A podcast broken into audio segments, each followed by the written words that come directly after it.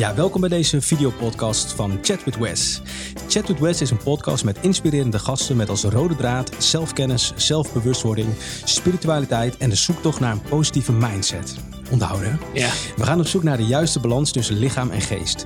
Met de focus op waar we willen zijn met een hoofdletter. Met als levensmotto ken jezelf en creëer je eigen realiteit.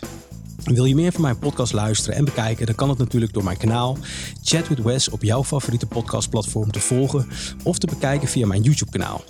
Dit alles is te vinden op mijn website www.chatwithwes.nl. Mijn naam is Wesley Glasmacher. In deze aflevering heb ik als gast Peter Kuiper. Augustus 2004. Zakelijk en privé had hij al veel bereikt. Hij ging maar door, stelde zichzelf steeds nieuwe doelen. Daar werd hij niet alleen moe van, hij raakte opgejaagd, werd ongeduldig en onplezierig in de omgang. Hij genoot niet maximaal van de zaken die er al waren. Hij weet nog precies, als het goed is. het was de maand uh, dat hij met Angelica ging trouwen. Hij keek in de spiegel en stelde zichzelf de vraag: hoe lang ga ik dit leven zo volhouden? Dat gevoel vormde uiteindelijk de basis voor Mind and Health. Hij nam in oktober 2011 afscheid van de metaalhandel. Sinds 2013, januari, bestaat Mind Health uh, van waaruit ze mensen, teams en hele organisaties de verbeterde versie van zichzelf laten worden. Dat doen ze met elkaar, met een bevlogen en betrokken team van circa 50 professionals. Mind Health is een kennisinstituut. Ze bundelen en delen kunde en ervaringen. Hiermee stimuleren ze mensen uh, hun energieniveau weer in balans te brengen en te houden. Want jong en oud, bouwvakker en advocaat, hun klanten hebben één ding gemeen. Ze zijn zich ervan bewust geworden dat hun energie op een bepaald moment van de dag al op is, nog voordat de dag voorbij is. Dan ontstaat er schade aan jezelf, je relaties, in je omgeving. Welkom Peter. Wat een mooie introductie Wesley. Ja, dankjewel. Prachtig mooi gedaan. Dankjewel. Um, nou, leuk dat je er bent. En uh, we gaan meteen eventjes door met het, uh, met het volgende.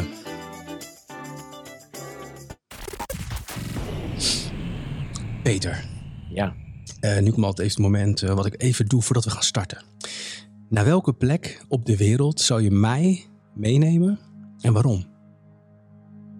Naar mijn eigen wereld. Vertel. Omdat je me dan helpt die van mij te ontdekken. Ik mag dan pretenderen dat ik een klein beetje iets weet over mezelf. Mm -hmm. Maar in die wereld is nog zoveel te ontdekken. Dat ik wel een goede cameraman en een nieuwsgierig aagje aan mijn zijde wil hebben. Die haalt namelijk het beste dan in mij naar boven. Top.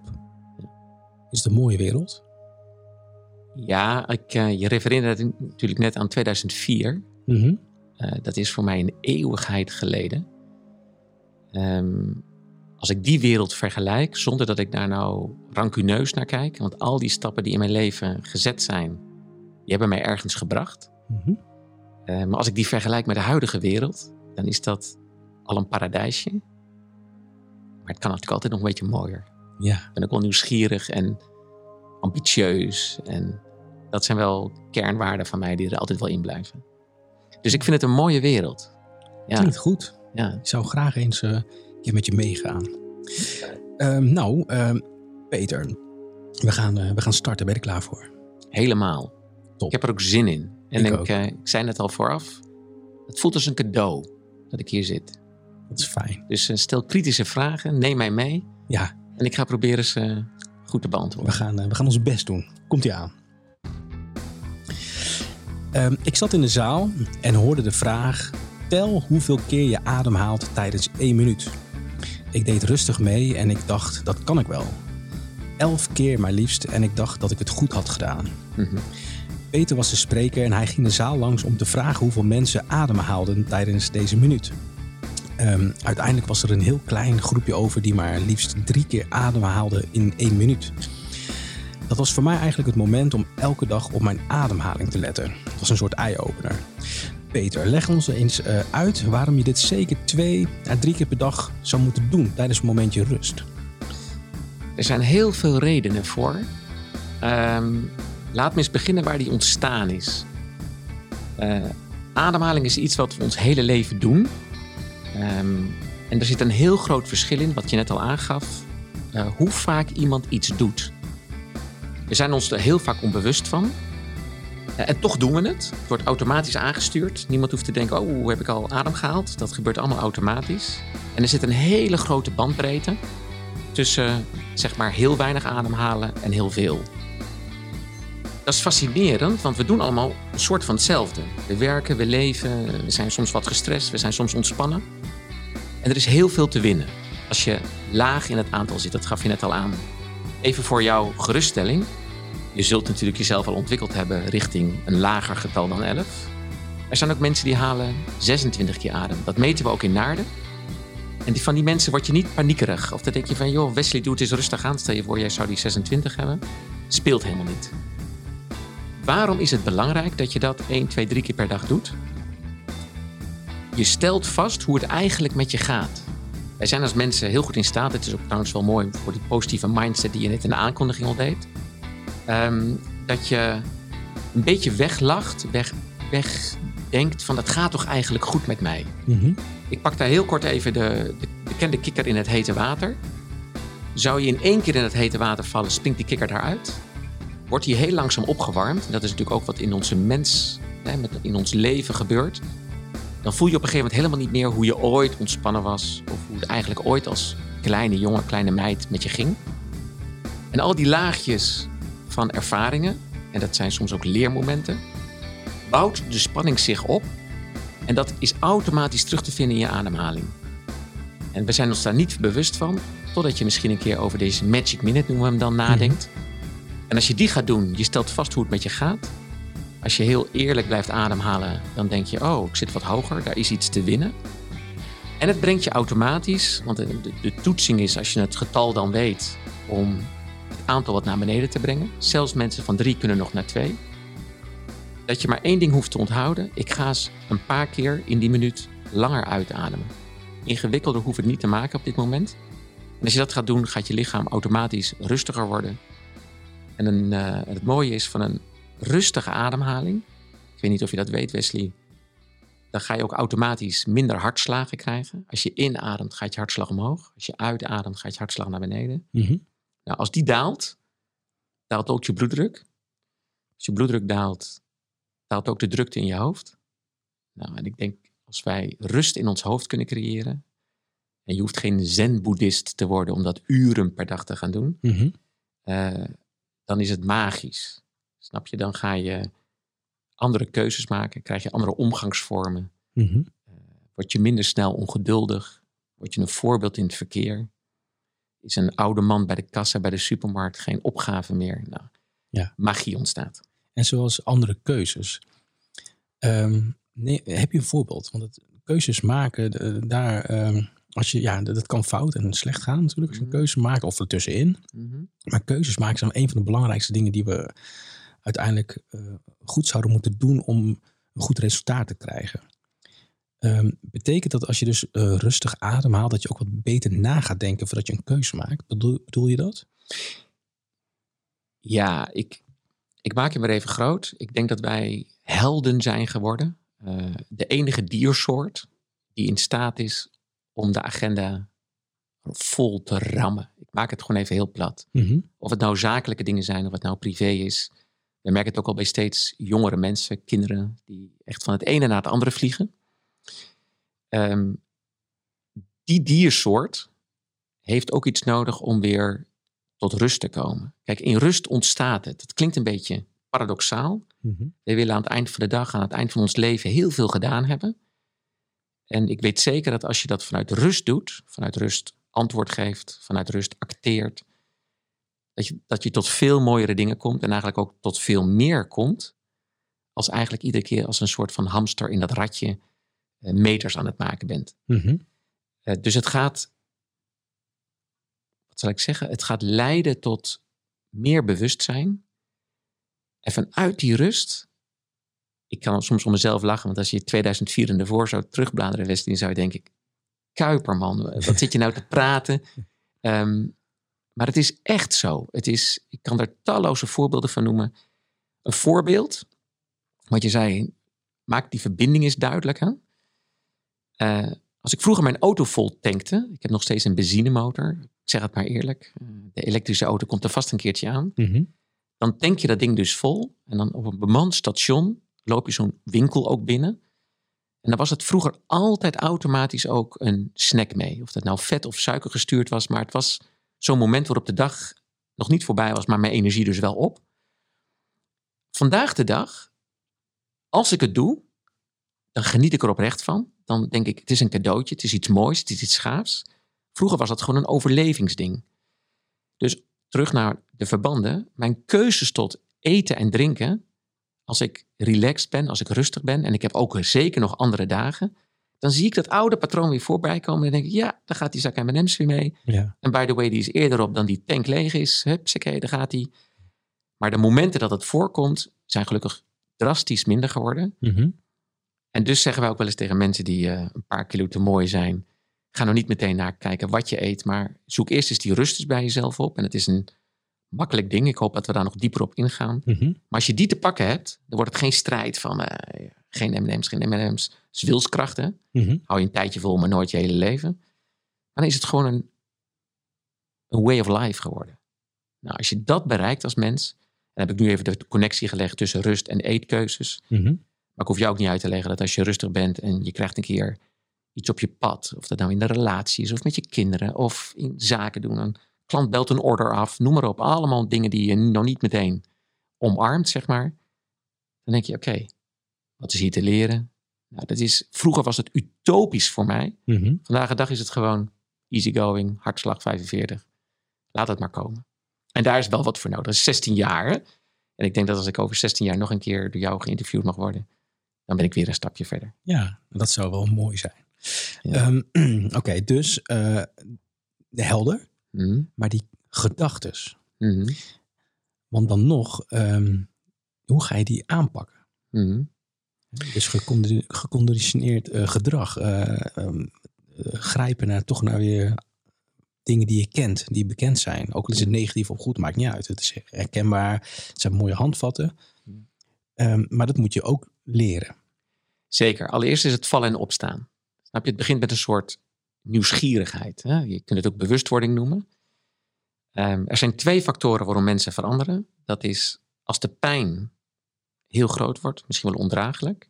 Of je creëert een heel sterk verlangen bij jezelf. Dat je iets ziet of meemaakt en denk je, wauw, dat is wel een voorbeeld. Het kan een persoon zijn, het kan een situatie zijn, het kan wandelen in de natuur zijn. Dat je denkt, jeetje mine, er is ook gewoon rust in het leven. Als ik, het, als ik maar naar het bos ga of zo, of Mhm. naar het strand ga liggen of noem maar op. Ehm, als, je, als je die hebt, hè, dus die, die, die rust, dan ehm, gaan er dingen ontstaan. En dan mag je nog even de vraag herhalen, want je had een, een kernvraag voor mij. Eh, jeetje, dus dan ga ik helemaal op in jouw antwoord. Eh, ehm, nee, die gedachten. Hoe, Oh ja, hoe heel goed. dat is. Want je zei net van als je, als je rust ja. krijgt, dan kan je inderdaad beter nadenken. En dat, dat geloof ik ook wel erg. Ja. En dus ook betere keuzes daarin maken. Maar dan nog zit daarvoor nog een stapje of, of ertussenin dat je ook nog gedachten allemaal hebt. Dus, Ja. dus die eh, beïnvloeden jou uiteindelijk jouw keuze. Precies. En- Mhm. Ja, die, die, zijn, die zijn ontstaan. hè. Ik noem dat wel eens conditionering. Mhm. Ehm, misschien kunnen we even denkbeeldig voor de luisteraar. ehm, er zijn eigenlijk drie lagen. Je hebt, je hebt nature. Dat is van conceptie tot en met je zevende levensjaar. Daarin gebeurt heel veel. Ik zeg ook heel bewust conceptie. Heel veel mensen zeggen, nou kom eerst maar eens ter wereld. Maar in die eerste negen maanden gebeurt al onwaarschijnlijk veel. Ehm, twee, na die zeven jaar gaan we ons conditioneren. We merken bijvoorbeeld als we dan, eh, stel je voor, zou dan nog in de box staan en dan lach je met je guitige koppie over die rand van die box en dan zie je dat je ouders bijvoorbeeld teruglachen. Denk je, nou, vind ik wel leuk. Net hadden ze nog ruzie en nu lach ik en zij gaan ook lachen. Oh, nou, die werkt in het leven. Nou, dit gaat natuurlijk op heel veel positieve gebieden en dat kunnen ook negatieve gebieden zijn. Het kunnen ook gebieden zijn waar je nature helemaal niet zit. Dus dat je echt iemand aan het worden bent die je van nature eigenlijk niet bent. Nou, en de derde laag is natuurlijk de gedragingen die eruit voorkomen. Nou, je voelt wel aan, als je nurture best sterk gedraaid is ten opzichte van je nature, dan kom je in een beetje spagaat. Je kunt er heel ver mee komen in het leven, echt heel, heel ver. Sterker nog, je kunt er ook mee onder de zoden weer verdwijnen. Dan heb je gewoon zo geleefd. Mhm. Maar of je dan tot de kern bent gekomen van je leven, Of je de bedoeling van jouw aanwezigheid hier dan hebt bereikt, is een tweede. Het is geen oordeel. Dus als je dat niet bereikt en je, hebt, nou, je lacht terug en je ligt op je sterk en je zegt, joh, no regrets. Ja. Ik zou zeggen, nou, prachtig mooi leven. Het kan ook zijn dat het tot allerlei kwalen leidt en ook tot allerlei gedachten leidt. Mhm. Snap je? En dan heb je die kern van jou. Ik wil misschien even het model van de vijf G's noemen. Mhm. Er gebeuren een heleboel gebeurtenissen in ons leven. Dat is de eerste G. G van gebeurtenis. Die creëert een gedachte. Nou, je kunt een gebeurtenis zeggen van... eh, klant eh, belt een order af. Dat doet iets meteen met je gedachten. Je Mhm. hebt meteen een gedachte. Je wordt boos of je, noem maar op. Dus het heeft meteen een gevolg. En dat leidt meteen tot een gedrag. En dat heeft dan uiteindelijk weer een resultaat. Dus als ik nou even de goede G zeg. Gebeurtenis, gedachte, een gevoel, gedrag, gevolg. Vijf G's. En die gaat dan weer omhoog. En die leidt tot een volgende gebeurtenis. Die heb Ja. je. Nou, in deze reeks, aan al die gebeurtenissen kunnen we niks veranderen. We zouden dat af en toe wel eens willen. Maar iedereen krijgt eh, een gezonde portie shit in zijn leven eh, voor ze kiezen. Ehm, eh, gewild of ongewild, vaak op ook ongewenste momenten. En dat leidt automatisch tot die eerste stap, de gedachte. Dat is de makkelijkste te veranderen. De makkelijkste veranderen als je daar bewust van bent. Want iedere gebeurtenis kan leiden tot een soort van positieve spiraal omhoog. Dan denk je, oké, en daar mag ik me af en toe een beetje bevinden van wat kan ik hiervan leren, wat kan ik hiervan doen. Laat ik er eens naar kijken, wat gebeurt hier nou eigenlijk echt. En dat is ook natuurlijk de negatieve spiraal van eh, de buurman dit, eh, mijn vrouw dat, mijn kinderen zus, mijn collega zo. Je plaatst het allemaal buiten jezelf en je trekt je pauze's naar beneden. Nou, ik hoef jou niet uit te leggen dat die spiraal omhoog, die kost niet eens energie. Sterker nog, die genereert vaak energie. Die spiraal naar beneden, die kost je energie. Word je moe van, word je, word je kortlonterig van. eh, wordt geen mooie leven, zeg ik even. Mhm. Die, als je die vaste patronen bereid bent om te gaan ontdekken, op een gegeven moment ga je ook om jezelf lachen. Ik zeg wel eens, als je, nou, je zult ook één keer per dag eh, douchen of wat ook, droog je je af. Zeker. Ga er maar eens op letten hoe minutieus je dat doet. Iedere dag weer. Hè, Hetzelfde dat, patroon. dat je van boven naar beneden gaat is nog een soort van logisch. Ik denk dat dat de meeste mensen wel doen. Maar jij pakt je linkeroor eerst. En dan je neusvleugeltje. En dan je rechteroor waar ik misschien helemaal nooit kom. Ja. En dan ga je eerst je buik doen of eerst je rug. En nou, je ziet het zo voor je. Ja, ja. Nou, de eerste volgende keer dat jij doucht, weet ik zeker dat jij nu over dit moment nadenkt en denkt, ik ga het eens een beetje anders doen. Nou, de kunst van het leven is volgens mij, als dat drogen jou, hè, de manier van afdrogen jou dient, en je denkt, ik ben iedere dag droog, ik ga droog mijn kleren in, ik vind het helemaal prima, niet veranderen. Maar er zijn natuurlijk ook heel veel handelingen, patronen, vaste patronen, die je niet dienen. En als je daar bent bereid toe naar te kijken, eh, en dan ook stap voor stap gaat veranderen, nou, dan denk ik dat het leven werkelijk iedere minuut, uur, dag, week mooier wordt. Voor jezelf en ook voor je omgeving. Nou, als je dat aan het ontdekken bent, ja, dat, is, dat is wel tof. Dat is wel Ja, tof. eh, eh, mooi. Heb je volgens mij weer al een keer. Ik heb dat inderdaad een keer gehoord van je. Ik vind, ik vind het fantastisch. Het is ook voor mij heel helder dit. Mm. Ehm, we hebben ook ergens, je hebt die vijf G's. Mhm. Waar zit de ego? Komt die ergens Mm. daarin voor? Want ehm, kijk, we hebben het allemaal over gedachtes. ehm, en die Mhm. komen ook voort natuurlijk. eh, ja, er komt ook wel eens je ego om de hoek kijken. Nou, soms. Heel vaak natuurlijk. Maar, maar Ja. Waar zit die? In welke stap? En waar, eh, wat voor impact heeft die eigenlijk? Ik zou zeggen, is een vraag die ik nog nooit eerder gehad heb. Dus die ga ik nu met jou ontdekken. Mhm. Ik denk dat de ego zit in je gedachten. Laten we een willekeurig voorbeeld nemen. Ehm, de gebeurtenis is. eh, een van je kinderen is niet aardig tegen je. Mhm. Ehm, en dan zijn wij allebei even papa. Dan kan het ego-model opspelen en zeggen: Ik ben jouw vader, jij luistert naar mij. Eh, ik ben de volwassene hier. Eh, er wordt trouwens ook van me verwacht dat ik je opvoed en ik heb daar een hele duidelijke mening over. Dan speelt natuurlijk je ego op. Ehm, als je op dat moment, lang niet altijd makkelijk hè, eh, beseft wat gebeurt hier eigenlijk, wat wil mijn zoon hier mij eigenlijk duidelijk maken, een soort gelijkwaardigheid. Ik denk dat als gelijkwaardigheid ontstaat, dat dan ego automatisch al een heel stuk slinkt. Daar zit dat ego. En nou wil ik niet egoloze mensen gaan zien. Ik ben zelf ook verre van egoloos. Ik denk wel dat het heel mooi is als je hem doorhebt.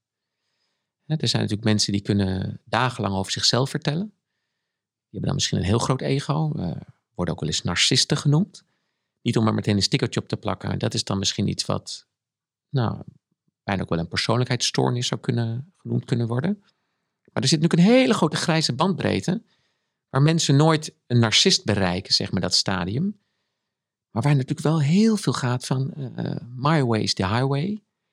Um, je hebt naar mij te luisteren. Hè. Natuurlijk vindt ook heel veel in ondernemingen plaats. Er is heel veel redenen waarom mensen in ondernemingen in hun werkkring niet tot hun kracht komen. Uh, spanning ervaren, burn-out raken, noem maar op. Allerlei kwalen en, en, en, en klachten voelen. Dus daar je dat ego.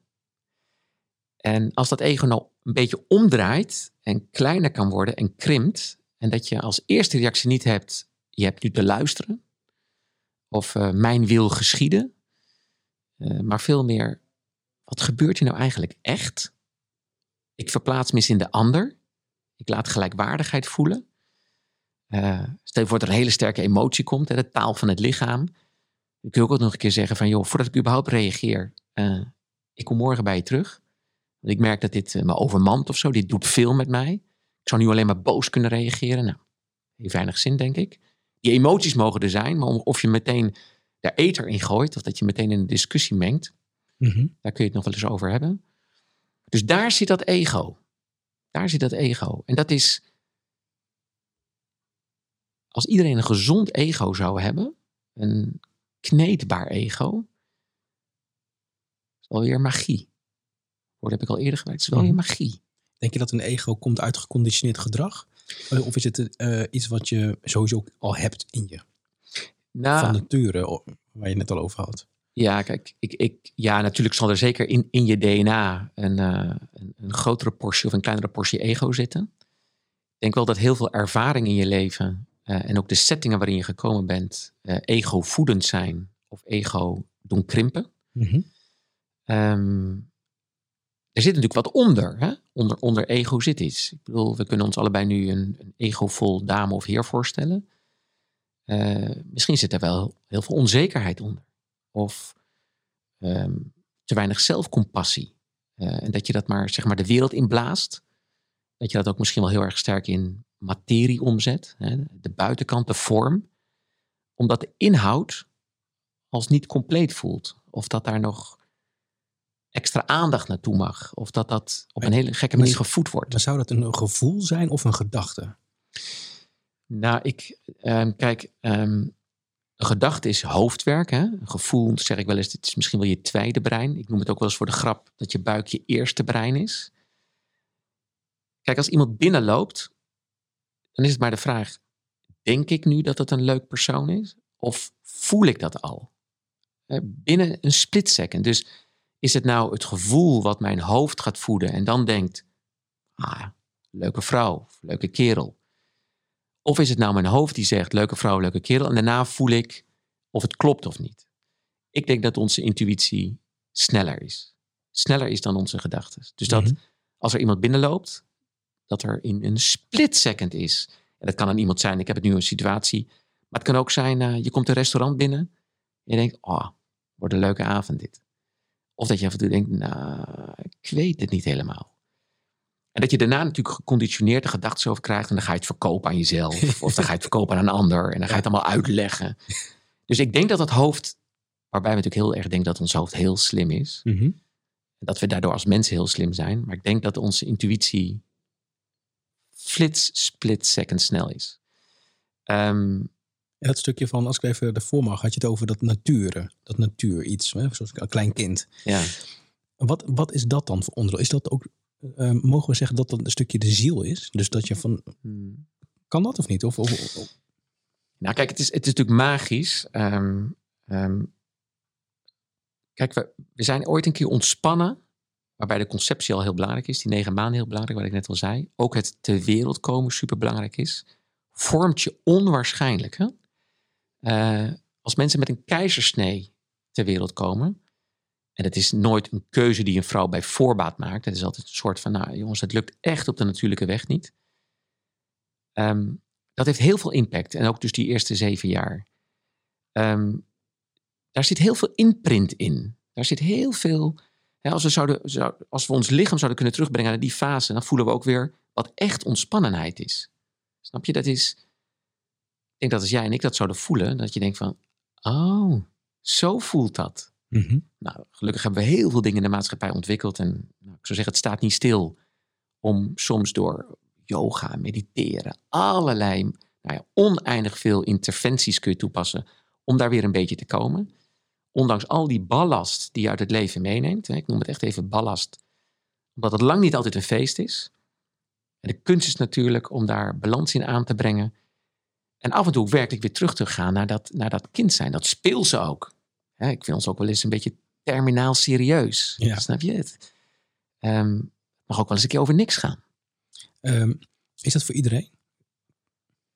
Je gaf net al aan in het leven en sommige mensen zullen uiteindelijk eh, deze aarde verlaten met dat is prima zo. Die Mhm, hebben misschien ook nooit gezocht. mhm, precies. Ehm, maar denk je dat het voor iedereen er is? Ik denk nu aan de postcodegebieden op de wereld. Hè. Heb, je, heb, je, heb je altijd een plek om je heen waar je dit werkelijk kunt creëren?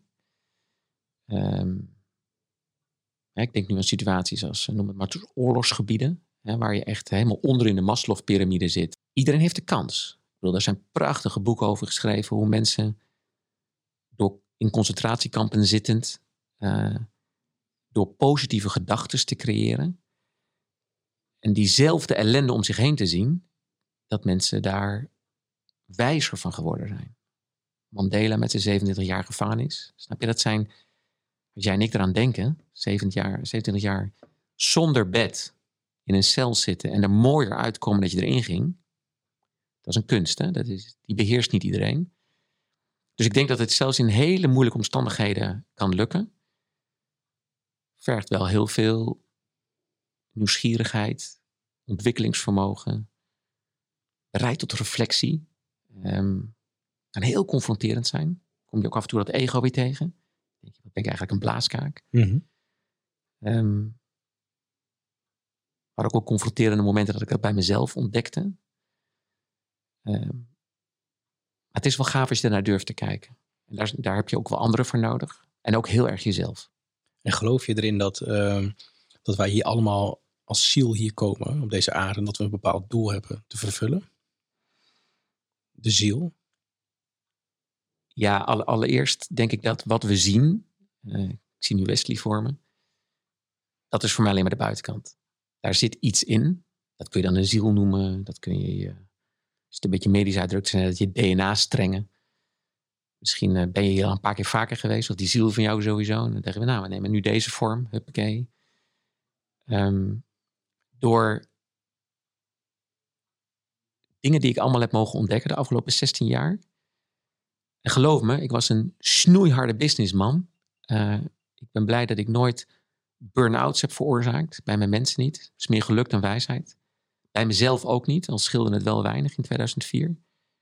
Ehm, maar ik, ik zeg inmiddels, ik ben hier voor de tweede keer. En laat het voor misschien sommige luisteraars zweverig overkomen. Maar als je door middel van readings, en je krijgt op verschillende wereldplekken readings, en iedere keer brengen mensen jou naar je eerste leven. Terwijl mijn vader altijd zei, je bent hier voor de eerste keer, want je bent veel te materialistisch. Dan zeg ik, oké pa, het zal zo zijn, je hebt er vast kijk op. Ehm, dus ja, die ziel is er. Ehm, als we dat met elkaar trouwens gaan geloven, geloof ik ook dat we minder aan het leven hoeven te hangen. Ik vind het leven geweldig. Ik ben blij dat ik nog maar 55 ben. En net op de helft, denk ik. Eh, hoop ik echt. Ehm, ik doe er een paar dingen voor en ik laat er een paar dingen voor om dat Mhm. te gaan bereiken. Maar vooral ook om morgen lekker te leven en overmorgen lekker te leven, energiek te zijn. Ehm, maar ik weet zeker dat ik, dat ik hier nog wat te doen heb. Dus ik, ik leef ook zeker nog langer dan vandaag. Daar heb ik volle overtuiging op, heb ik ook vertrouwen op. En als er een keer iets gebeurt, of dat nou mijn leeftijd op een gegeven moment wordt, of toch, toch het noodlot, dan komt het wel goed. Dan gaat, gaat mijn kennis, die, die verdampt niet of zo. Daar, daar geloof ik echt niet in. Snap je? Al die ellende op mijn pad heb ik niet voor niks beleefd. Al die kennis die ik daarvoor heb opgedaan. Natuurlijk deel ik die met mensen die mij dierbaar zijn en nu met jou. Maar die is niet voor niks geweest. Mhm. Daar geloof ik echt niet in. Nee. Geloof je in toeval? Ehm, ja, de, de uitspraak die heel vaak mensen dan zeggen: toeval bestaat niet. Mhm. Ik geloof wel dat, dat, dat er een paar dingen samen mogen komen. En je kunt dat toeval noemen. Je kunt dat ook ehm, dat je daar zelf wat sturing in hebt. De wereld is niet maakbaar, mijn leven is niet maakbaar. Maar ik geloof wel dat je daar invloed op kunt uitoefenen. Dat je daar, ehm, dat je daar ook wel een stuk regie kunt pakken. Kijk, als ik achter in de stoel was blijven hangen, zoiets van, nou, kom wel goed, laat het maar gebeuren. De wereld zorgt wel voor mij. Nou, ik weet zeker dat ik in Nederland niet gestorven was. Er zullen mensen zijn geweest die hadden, om mij, eh, die hadden mij, voor mij gezorgd. Ik was zeker aan mijn natje en droogje gekomen, geloof ik echt in. Maar ja, dan heb je, dan, was er niet allemaal ontstaan in mijn omgeving, in mijn leven, wat ik nu mag beleven. Dat is, daar zit ook zeker doekracht in. En, eh, en doorzettingsvermogen. En, en eh zwoegen zweten, vallen opstaan. Le- leef jij je, je ideale leven?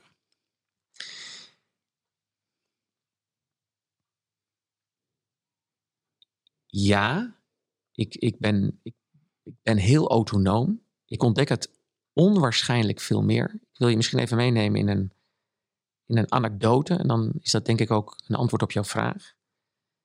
Ehm, toen ik in 2004 dacht van zo ga ik niet oud worden. Zo leef ik niet het leven wat ik wil.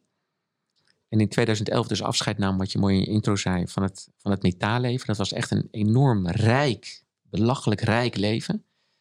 Maar geen gelukkig leven. Was het jouw eigen bedrijf? Ja, was mijn eigen bedrijf. Had ik met een partner in Duitsland. Dat was mijn bankier. Het was een handelsbedrijf, dus heel erg vermogenintensief. Betekent ook dat eh, toen ik als student daarmee begon, dat ik eigenlijk één iemand of iets nodig had, een bank. Of een persoon die gewoon een hele diepe emmer heeft. Waarvan ik zeg, nou, laat mij maar spelen met dat geld. En ik zorg dat 10 100 wordt en 100.000 en 1000 10.000. Dat is heel goed gelukt. Ehm, en ik dacht toen dat ik mijn ideale leven leidde. Niet op het jaar 2004, maar wel daarvoor. Ik denk, nou, hier gaat het om in de wereld. Dit- Dit is waar het, waarvoor ik hier ben. Nou, inmiddels ben ik erachter dat er het leven echt veel mooier kan. Eh, heel autonoom. Ehm, steeds beter mijn authenticiteit eh, volgend. Ehm, maar om uit die, uit die enorme rijkdom te stappen, ben ik in 2008, dat kan ik, daar kan ik nu woorden aan geven, hè, ik kan het nu terugvormen voor mezelf, ben ik gaan hardlopen. Ik was een enorme passieve gast. Ik parkeerde mijn auto nog liefst in de lobby van mijn bedrijf. En dan ging met de lift omhoog naar de tweede etage. Ik kan er nu om lachen, maar ik deed het. Ik deed het werkelijk. En in 2008 ben ik gaan hardlopen. Aangevoerd door, door twee personen in mijn leven. En daar is marathonlopen uit ontstaan. En omdat ik natuurlijk uit dat metaalwereldje stapte, waar iedereen mij aansprak op, eh, oh, weer een nieuwe auto en weer nieuw dat en noem maar op. Kon ik op een gegeven moment die mensen mee gaan nemen. Die zagen natuurlijk wel, hé, hey, die, die gast is aan het hardlopen. En die gingen gelukkig vragen, nou, hoe is het eigenlijk met het hardlopen van je? Dus ik leidde de mensen eigenlijk een beetje naar een nieuwe succeswereld van mij. Nog steeds ego, hè, je voelt hem. Maar een andere. Ik vond hem ook wel wat duurzamer al wat worden. Mhm. Ik heb er 22 marathons, een ultra en oneindig veel halve marathons voor over gehad. Voor nodig had, moet ik zeggen. Eh, om erachter te komen dat ik die marathons gelopen heb voor mijn ego. Natuurlijk ben ik er fitter door geworden. Ik heb op prachtig mooie plekken met die marathon mogen lopen. In Jeruzalem, natuurlijk New York, Chicago, Berlijn, veel in Nederland. Maar bij de 22e marathon, halverwege, stelde ik mezelf de vraag: voor wie loop je die eigenlijk?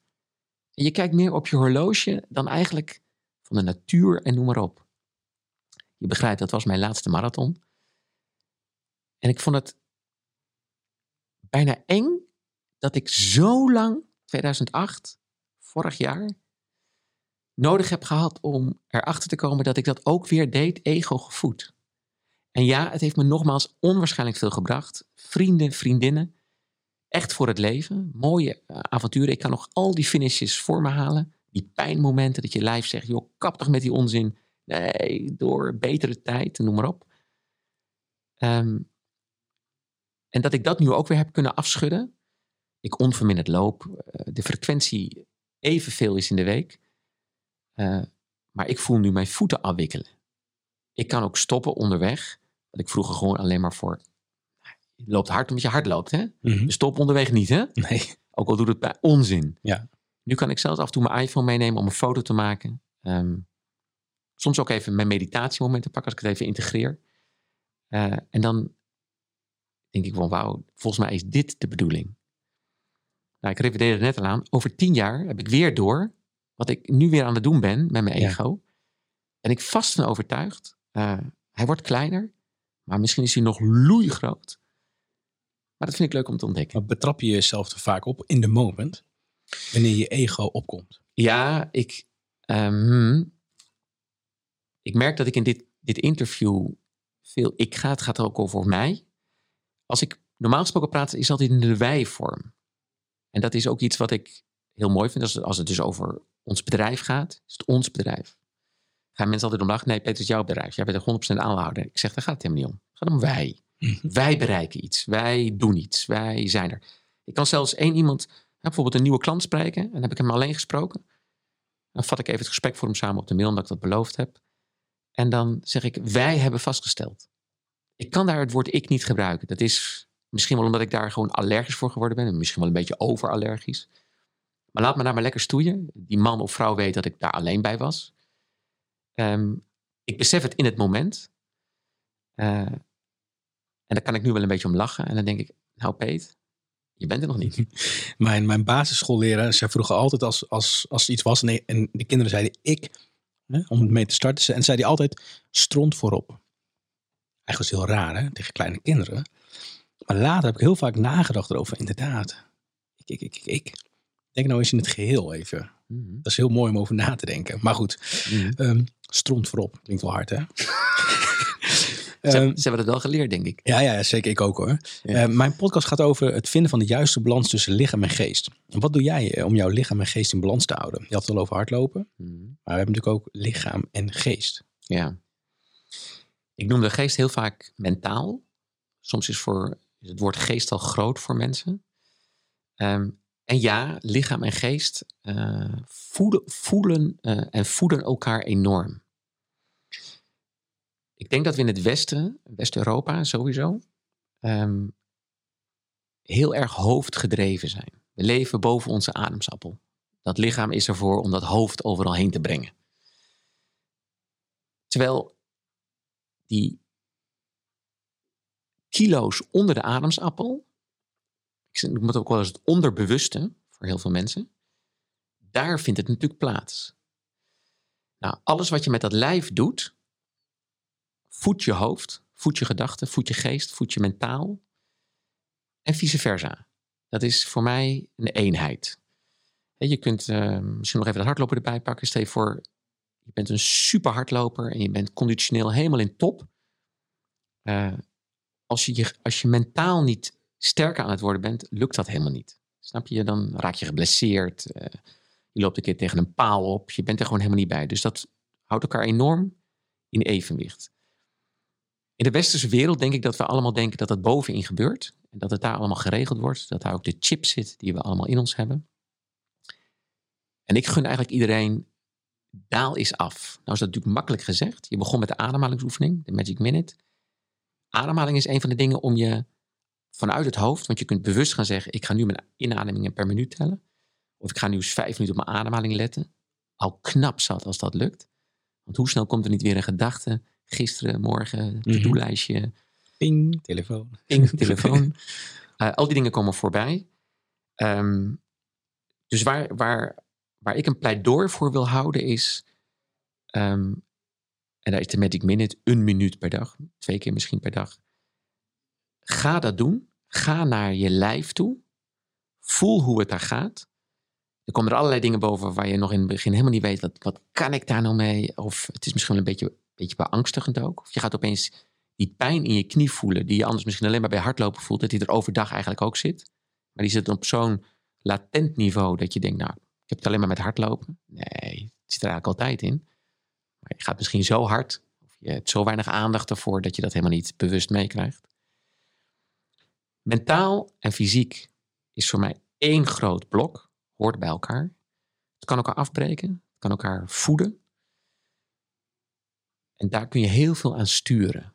Nogmaals, uh, ik zei al, het leven is niet maakbaar. Um, er komen soms dingen echt op je pad waarvan je denkt, wow, is, is dit nou wel de bedoeling? Maar tegelijkertijd, zelfs de westerse geneeskunde ziet steeds meer relatie tussen wat we ons eigenlijk de hele dag aandoen. De linken tussen hele ernstige ziektes, en dan denken we natuurlijk allemaal meteen ook aan kanker.